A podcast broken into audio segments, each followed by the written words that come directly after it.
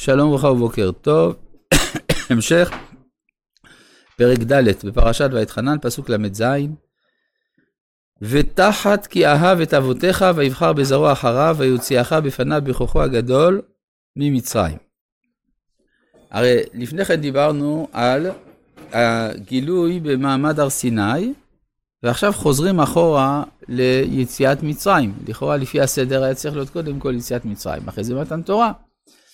אלא שהיציאה ממצרים, מתן תורה, אה, זה היה עניין, אפשר לומר, אה, אינטרס אלוהי, שהקדוש ברוך הוא יגלה את רצונו בעולמו, ואילו יציאת מצרים באה בגלל אהבת האבות. כלומר, לא מכוח הזכות של עם ישראל כמובן, אלא מכוח אהבת הקדוש ברוך הוא את האבות, וזה נחשב למדרגה בסיסית יותר, כיוון שזו רק מדרגה בסיסית, היא מוזכרת רק אחר כך. אבל אה. אם מסתכלים בפרשת וארא, רואים שכשהקדוש ברוך הוא נגלה אל משה להסביר לו מדוע הוא מוציא ממצרים, הוא אומר כי יש לי חוב. יש לי חוב כלפי האבות. אני נשבעתי להם לתת להם את ארץ כנען, את ארץ מגוריהם אשר גרו בה, ואני לא עשיתי את זה, אז הגיע הזמן לקיים. זה כאילו מחויבות אה, אלוהית ש, אה, שבאה לידי ביטוי ביציאת מצרים. יכולנו לחשוב בטעות שהמטרה של יציאת מצרים היא מתן תורה, ולכן זה מוזכר קודם מתן תורה, ואחר כך יציאת מצרים שהיא עניין בפני עצמו. אה, גם עניין, בכלל, עם זה אנחנו מבינים שגאולה איננה תלויה בעובדה שיקבלו תורה, יקבלו מצוות או לא אחרי גאולה, למרות שזה מה שיקרה. בפרשת ניצבים ראינו שאחרי הגאולה אתה תשוב ועשית, ושמעת בקול השם ועשית כל מצוותיו. אבל לא על מנת, כן, נעשית הגאולה, אלא הגאולה היא קיום של מחויבות קדומה של ותחת כי אהב את אבותיך. ויבחר בזרעו אחריו.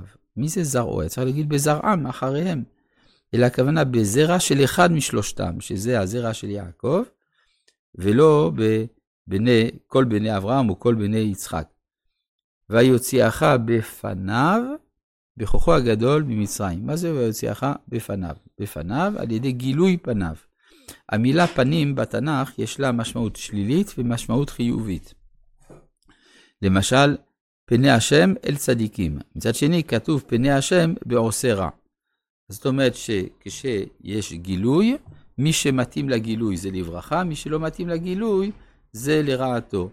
אז כאן, ויוציאך בפניו, על ידי גילוי פניו, הוא הוציא אותך בכוחו הגדול ממצרים. כל זה, בשביל מה? להוריש גויים גדולים ועצומים ממך מפניך, להביאך, לתת לך את ארצם נחלה כיום הזה. וידעת היום. עכשיו, כאן יש סיכום של כל הנאמר מקודם. וידעת היום והשבות לבביך כי השם הוא אלוהים בשמים מעל ועל אחד מתחת עין עוד. מה זה וידעת והשבות? רבנו בחיי בן פקודה בספר חורות הלבבות אומר, וידעת היום במסורת, והשבות לבביך על ידי פילוסופיה. כלומר, לפי רבנו בחייה, העיסוק בפילוסופיה ובראיות שכליות למציאות השם, אחדותו וכל המתלווה לזה, זאתי מצווה מן התורה, שנאמר, והשבותה אל לבביך.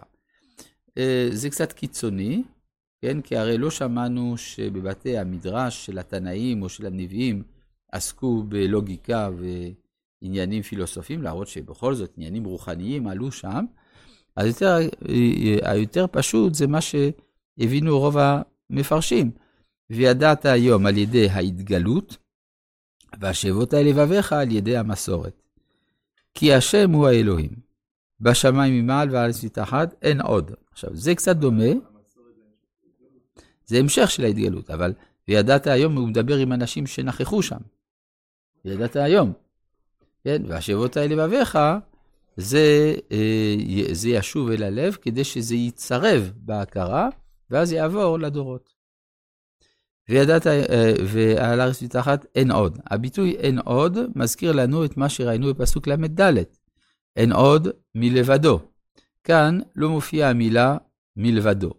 אז אפשר לומר שזאת ההבחנה שדיברנו עליה בשתי הבנות בפסוק אין עוד מלבדו, אין עוד מלבדו לעומת אחרים, או אין עוד, מלבד, או אין עוד בכלל.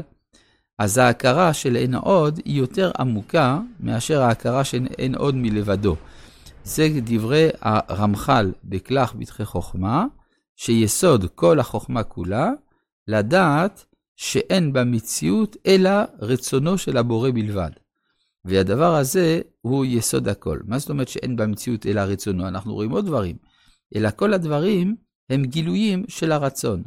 זה מובן על פי ספר יצירה שאומר שהבריאה נעשתה על ידי אותיות. אותיות זה דיבור.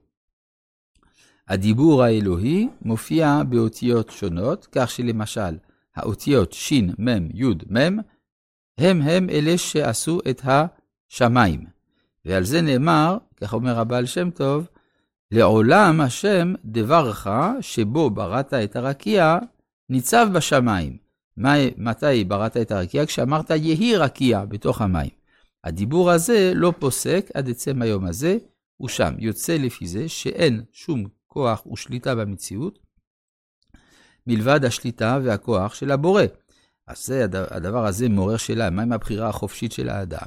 הרי הבחירה החופשית של האדם זאת בועה עצמאית, אוטונומית, בתוך השפע האלוהי. התשובה שנותן הרמב"ם לזה, בשמונה פרקים, פרק שמיני, שגם זה שיש בחירה חופשית לאדם, גם זה רצון הבורא. זה לא חייב להיות פטליסטי, שיש גזירה קדומה וכדומה.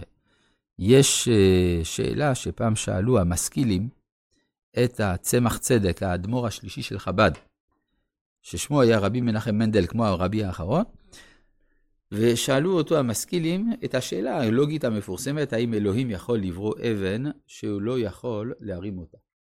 כן? וזו שאלה שעסקו בה הרבה לוגיקנים למיניהם, בכל מיני אופנים, לברר אם השאלה בכלל יש לה מקום או אין לה מקום. רבי מנחם מנדל נתן תשובה חסידית מובהקת. הוא אמר, בוודאי שאלוהים יכול לברוא אבן שהוא לא יכול להרים אותה. לא רק שהוא יכול, הוא גם עשה את זה, כשהוא ברא את הבחירה החופשית. שהיא אבן שהקדוש ברוך הוא ברא, והוא לא יכול להרים אותה. ושמרת, כלומר, זה גדלותו של הבורא, שהוא יכול גם להגב, להגביל את יכולתו. ושמרת את חוקיו ואת מצוותיו, אשר אנוכי מצווך היום. כלומר, שמירת החוקים והמצוות היא תולדה של ההכרה של וידעת והשבותה. אשר אנוכי מצווך היום, אשר ייטב לך ולבניך אחריך. אז השאלה היא, האם אתה מקיים את המצוות כדי שיהיה לך טוב, או שזה תולדה נלווית. המהר"ל מפראג, הרמב"ם אומר שזה המטרה. המהר"ל מפראג אומר, לא סליחה, הרמב"ם אומר שזאת המטרה, המהר"ל אומר שזאת פעולה נלווית. כלומר, לפי המהר"ל, ההגדרה של מצווה איננה יכולה להיות משום שהיא מטיבה, כי אם לא, אז היא פוסקת מלהיות מצווה. מצווה במהותה היא סמכות אבסולוטית. אבל ברור שהקדוש ברוך הוא לא יצווה דבר שלא ייטיב עמנו, לכן אומר, אשר אנוכי מצווך היום, אשר ייטב לך. ולבניך אחריך, ולמען תאריך ימים, על האדמה, אשר השם אלוהיך נותן לך כל הימים. מה? לא מוזכרת הבחירה החופשית. אני, הזכרתי את זה. מה? אה, כלומר זה רמוז. לא, עוד יותר טוב. עוד יותר טוב. כלומר, אין עוד, ואף על פי כן, אה, כן, יפה מאוד. אף על פי כן, ושמרת את חוקיו בבחירתך החופשית. יפה, יפה. לא חשבתי על זה. עכשיו, עד עכשיו, זה הנאום השני של משה. כלומר, הנאום הראשון, אלה הדברים אשר דיבר משה אל כל ישראל במדבר, בערבה, מול סוף. זה הדברים שהוא אומר בשנת ה-40, אחרי המלחמה בסיחון ואוג. בפרשת ואתחנן אנחנו רואים שמשה נותן נאום שני, שלפי פשוטו של מקרא נאמר בשנה השנית, ולא בשנת ה-40. זאת אומרת, הוא מדבר עם הציבור שנכח במעמד הר סיני, ואז הוא מזכיר להם, אתה זוכר, אתה ראית, אתה הוראת לדעת וכדומה. וכאן, עד כאן הנאום השני. מכאן ואילך מתחיל הסיפור. כן, כלומר, כאן, מה שכתוב, אז יבדיל משה שלוש ערים עדן מזרח השמש, זה לא נאום של משה, זה תיאור של מצווה. יש את השאלה מה זה תקוע פה. לכאורה, העניינים של, אה, של עיר מקלט נאמרו במקום אחר, את זה נראה מחר.